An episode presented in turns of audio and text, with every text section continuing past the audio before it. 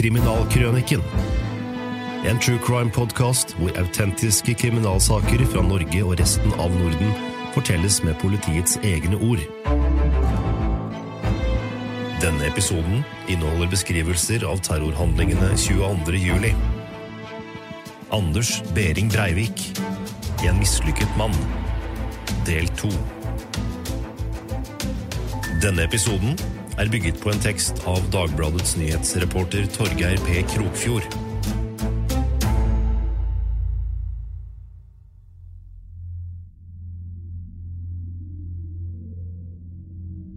Når fikk Breivik ideen om et terrorangrep? Selv skryter han av å ha planlagt 22. juli i ni år. Det er lite trolig. Men hatet mot de andre, de som kom og brisket seg på hans hjemmebane, ulmet fra ung alder. Selv lister han opp flere hendelser fra barn og ungdommen. Da han var 15 år, ble han forsøkt ranet av en pakistansk-norsk gjeng da han skulle på en konsert. Han oppgir i manifestet å ha venner tilknyttet kriminelle pakistanske miljøer i Oslo, og han hevder at det var ved å oppgi at han var beskyttet av et navngitt medlem av den såkalte A-gjengen, at han reddet skinnet. Året etter ble den unge Anders angrepet av en pakistaner som var større og eldre enn han selv utenfor Majorstua-huset. Dette begrenset bevegelsesfriheten hans, skriver han i manifestet. I Breiviks hode hadde pakistanske gjenger inndelt hovedstaden i områder hvor det var utrygt å ferdes uten de rette kontaktene. Som 17-åring ble han igjen forsøkt ranet. Han var sammen med en venn. Angriperne var tre. De tok beina på nakken og reddet seg unna. Denne hendelsen skjedde ved 01-triden om natten. De to foregående var tidligere på ettermiddagen. Samme år ble unge Anders innblandet i nok et slagsmål, denne gangen med langt flere deltakere. Hans gjeng var ti, motstanderne, eller angriperne som han beskriver dem som, var tolv. Disse hadde reist fra Oslo øst til Tåsen, der Breivik hadde vært på fest. Begge gjengene skal ha vært bevæpnet. Breivik oppgir ikke hvorvidt han selv bar våpen, men skriver at han ble slått i hodet med en biljardkø. Året han ble myndig, ble en kompis av Breivik angrepet, med det resultat at nesen brakk. Slik fortsetter Breiviks historie om hvordan utlendinger terroriserer ham og vennegjengen hans, herjer uhemmet i hovedstaden, deler byen inn i områder og gettoer, røver til seg penger, damer og gull på beste sjørøvervis.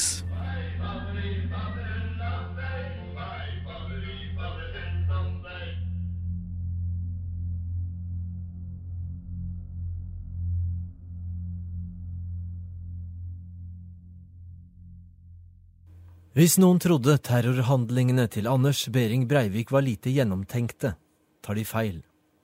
Dette dokumentet på 1516 sider forklarer det meste av det vi lurer på. Det er både et politisk manifest og en håndbok i terror, skrevet av gjerningsmannen. Alt som har skjedd til nå, er etter oppskriften. Også de nær 100 døde. Han har lest dokumentet og også skrevet bok om høyreekstreme. Breivik er ikke vanskelig å plassere.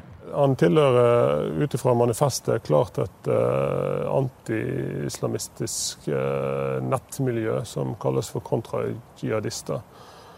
Det er et miljø som uh, bl.a. forfekter en forestilling om at uh, Europa er i ferd med å bli omgjort til, til Eurabia. At det er i ferd med å bli okkupert.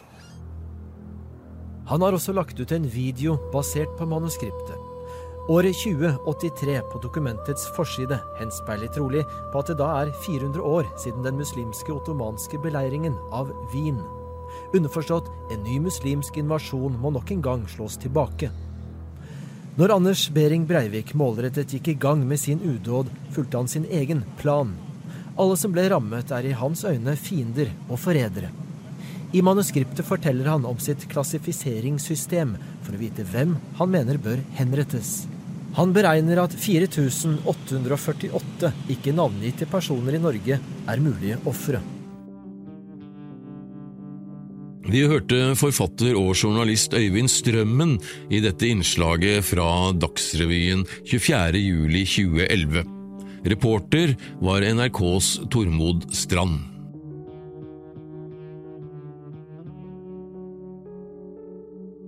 De flere hundretalls sider med kulturkonservativ, ekstrem antimuslimsk propaganda som fyller store deler av det 1500 sider lange manifestet, var for en stor del klippet og limt fra Breiviks eh, intellektuelle inspirasjonskilder. Men empirien var i aller høyeste grad selvopplevd. Da den enslige Breivik satt i endeløse timer foran dataskjermen og lot internett lære ham om hvordan verden egentlig hang sammen, hadde han de gufne, selvopplevde hendelsene med mørkhudede landsmenn i bakhodet. Sammen bygget andres konspirasjonsteorier og egne opplevelser med hverdagskriminalitet opp et sinne, et hat og en dødstrang som endte i terror på norsk jord.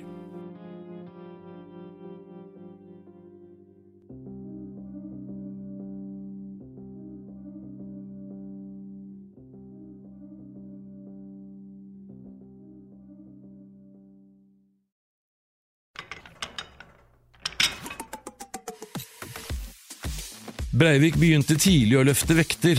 Allerede som tolvåring pumpet vestkantgutten jern flere ganger i uken. Da Anders gikk på ungdomsskolen, begynte han ifølge flere nære venner med anabole steroider.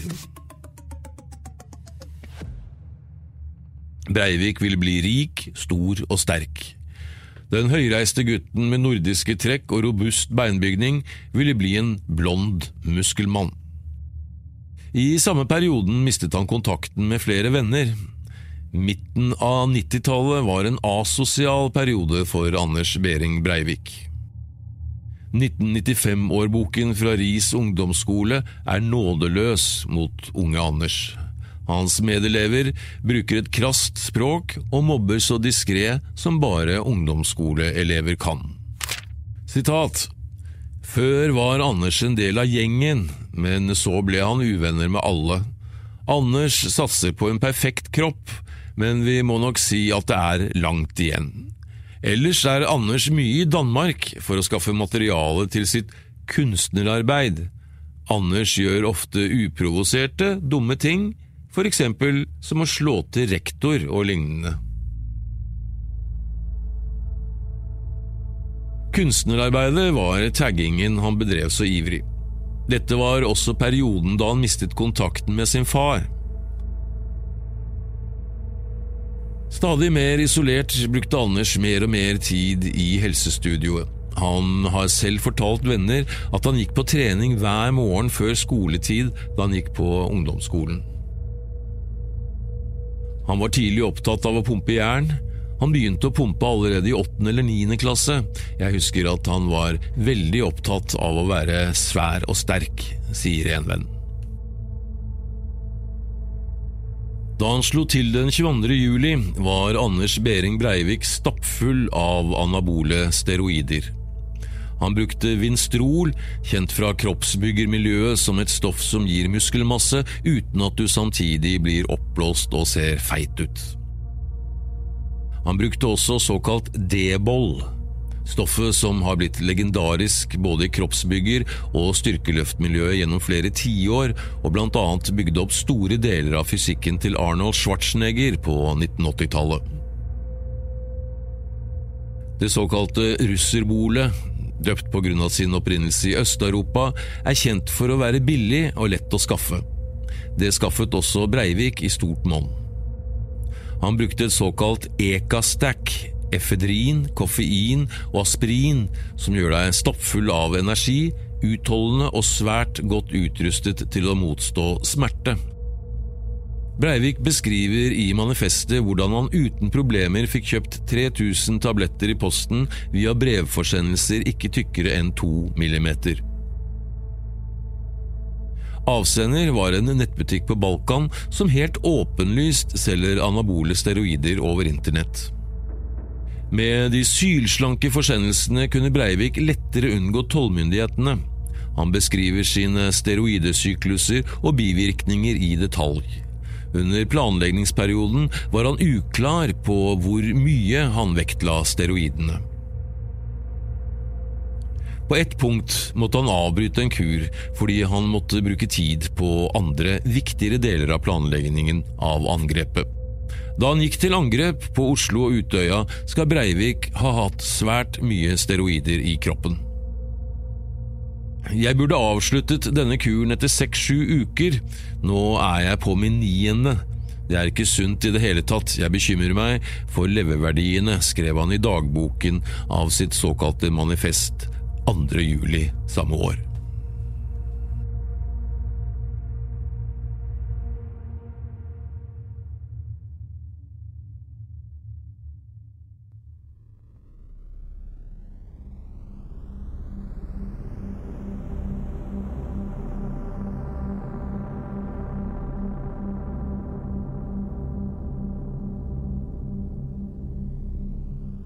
«2004 var et veiskille for eh, Anders Behring Breivik. Etter å ha vært aktiv i Fremskrittspartiets Ungdom, FPU, og ha engasjert seg i politiske diskusjoner på nettet og i den virkelige verden, sendte Anders Behring Breivik demokratiet på båten. Han erklærte krig mot Vesten og krig mot den verden, det samfunnet og systemet som hadde hjulpet ham til å bli det han frem til dette punktet hadde vært, en høy, atletisk, politisk engasjert og relativt sosial, vellykket ung mann. Til Morgenbladet uttalte terrorforsker Thomas Hegghammer ved Forsvarets forskningsinstitutt det slik. Han passer ikke inn i de klassiske høyreekstreme ideologiene, for han har ingenting imot jøder og asiater. Han er ikke noen norsk nasjonalist og heller ikke kristenfundamentalist. Han passer derimot inn i en relativt ny trend, den islamofobe. Behring Breivik representerer den aller mest ekstreme varianten. Det såkalte manifestet til Breivik ble først mottatt som en samling av terroristens egne skrifter og tanker om islamiseringen av Europa. Men etter noen dager og intens lesing av de omkring 1500 sidene ble det klart at svært få av tankene var Breiviks egne. Peder Fjordmann Jensen var kanskje terroristens aller største forbilde. Ellers var det såkalte manifestet fullt av klipp og lim fra etablerte konspirasjonsteoretikere som Pamela Geller, Robert Spencer, Alan Lake, Bat Yor, Paul Ray og andre. Og det var Arbeiderpartiet som var hovedfienden.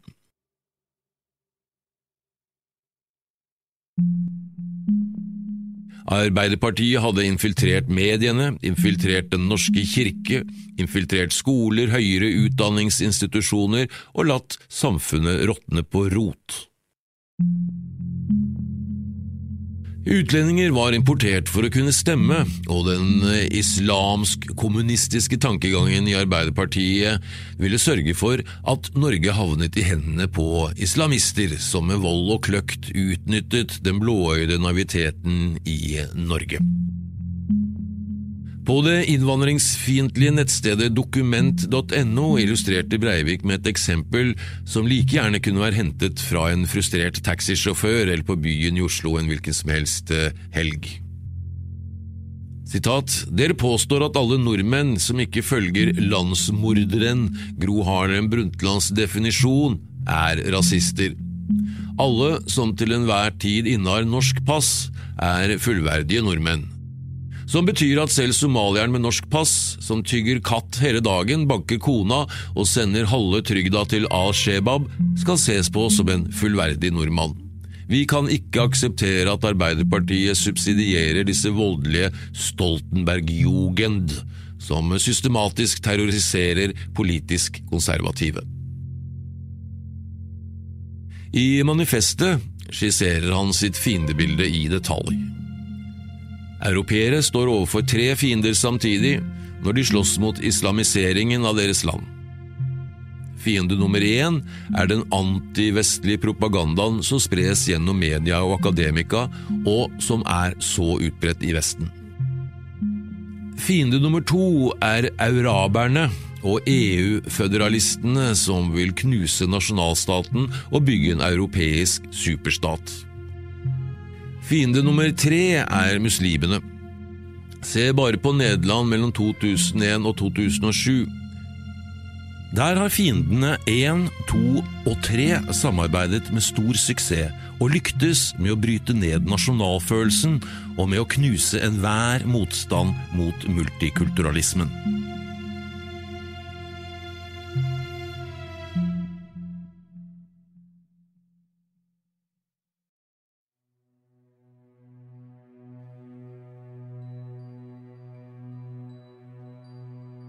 Når han etter års forarbeid skulle lede an sitt angrep mot Arbeiderpartiet, var det da også landsmoderen Gro Harlem Brundtland, eller landsmorderen som han kalte henne, som var hovedmålet.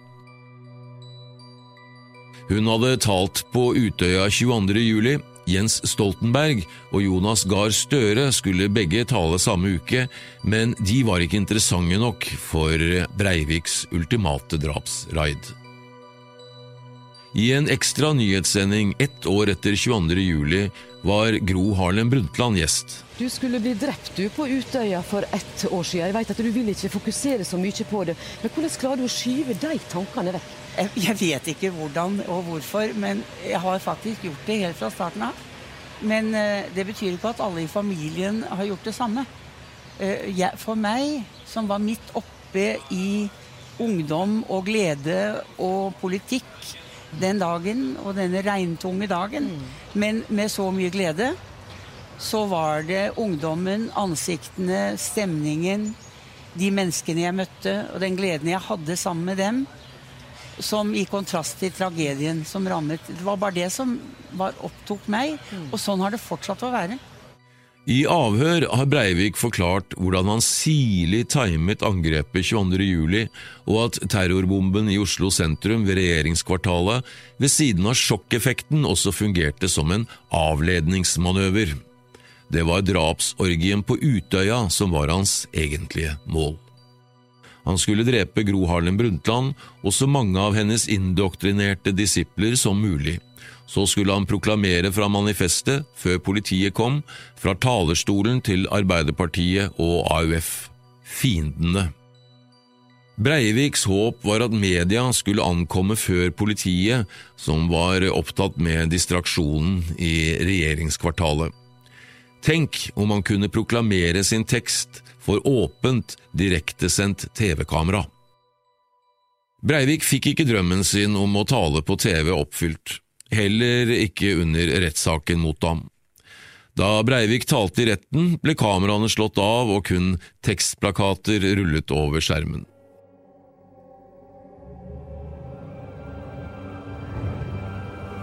Imprisoned for 10,000 years.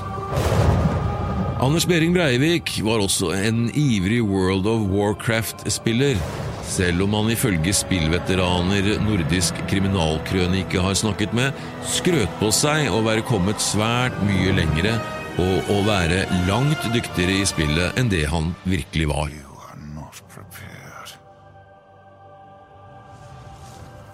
Som selverklært fan av såkalt vokaltrans, intens vokalbasert stemningsmusikk, ikke ulik det man finner i mange dataspill, skapte Breivik sin egen altfor reelle voldsspillvirkelighet på Utøya. Som en figur i et dårlig skytespill, iført hjemmesnekret politiuniform og et par øretelefoner, gikk han rundt i halvveis transe og skjøt uskyldige med musikk på øret, én etter én.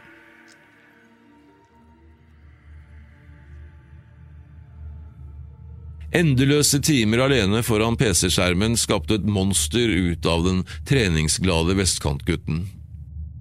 Fjordmann var hovedinspirasjonen, men de amerikanske intellektuelle var toneangivende. Men det var først og fremst den anonyme norske bloggeren som var Breiviks selverklærte nummer én. De amerikanske tenkerne var innhyllet i en Washington-elitisme, pakket inn i sine sydende tanker bak en selvforherligende, stivleppet maske. Fjordmann var rett på sak. Ekte norsk islamofobi i gammel engelsk språkdrakt. Journalist og forfatter Simen Sætre har skrevet bok om Fjordmann. På spørsmål fra NRK Østnytt om hvorfor denne mannen, som ble et så stort forbilde for Breivik, utviklet seg til å bli en anti-islamist, svarer han slik. Det skjedde over tid, men det er noen ting der som er viktig. F.eks. at han reiste til Midtøsten da han var 25 år og studerte der i tre år. Eh, først i Kairo, og så var han observatør i, i Hebron en stund. Eh, og de opplevelsene var nok viktige for han, samtidig som også det som skjedde etter 11.9.2001 eh, og de ulike terroranslagene i Europa også var viktig for å, å forme ham. Ikke minst eh, også eh, framveksten av eh, internett. At man kunne bygge seg opp en sånn status uten å eh, røpe sin identitet for leserne. Morgenbladet påpeker hvordan Breivik også kan ha hentet tittelen til sitt avskjedsskrift hos Fjordmanns Native Revolt, A European Declaration of Independence.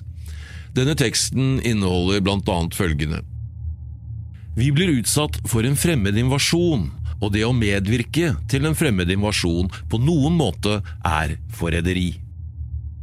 Hvis ikke-europeerne har retten til å motstå kolonisering og ønske seg selvbestemmelsesrett, så har europeerne samme rett, og vi akter å utøve den. Kombinert med musikken, steroider, krigsinteresse, manglende sosial tilpasning, familiære problemer, dametrøbbel og skralt med suksess i forretningslivet, skapte tekster som dette verdens verste aleneterrorist. Etter angrepene skrev Fjordmann hans totale mangel på respekt for menneskeliv er derimot ikke noe han kan ha plukket opp fra meg eller fra noen annen islamkritisk skribent jeg kjenner, som Robert Spencer eller Batyor. Men også han har erklært at det nå var på tide å ta grep, og at ord ikke lenger var nok til å stoppe den islamske invasjonen av Eurabia. Han fostret tankene som overbeviste Anders Behring Breivik om at massemord var det eneste rette. Forhandling i rettssaken mot Anders Behring Breivik begynte den 16. april 2012 i Oslo tingrett. Breivik erkjente å ha begått de faktiske handlingene, men nektet straffskyld etter tiltalen. Etter ti uker med rettssak i sal 250 ble Anders Behring Breivik drømt til forvaring i 21 år, den 24. august 2012. Retten fant at Breivik var tilregnelig, dvs. Si ikke psykotisk, på gjerningstidspunktet. Dommen ble rettskraftig klokken 24 fredag den 7. september 2012. Kjære alle sammen. Nå er nesten alle ord brukt opp. De siste fire ukene har vært tunge for oss alle. Men nettopp da er det godt å kunne være sammen. Mine tanker har vært spesielt hos dere som var direkte berørt av terroren, og dere som har mistet noen dere var glad i. Som far, bestefar og ektefelle kan jeg bare ane noe av deres smerte. Som landets konge føler jeg med hver og en av dere. Lørdag den 21. august 2011 ble det avholdt en stor minnemarkering i Oslo sentrum etter terroren den 22. juli, og hele nasjonen samlet seg i sorgen. Den såkalte revolusjonen som terroristen ville starte den regnfylte sommerdagen på Utøya, kom aldri.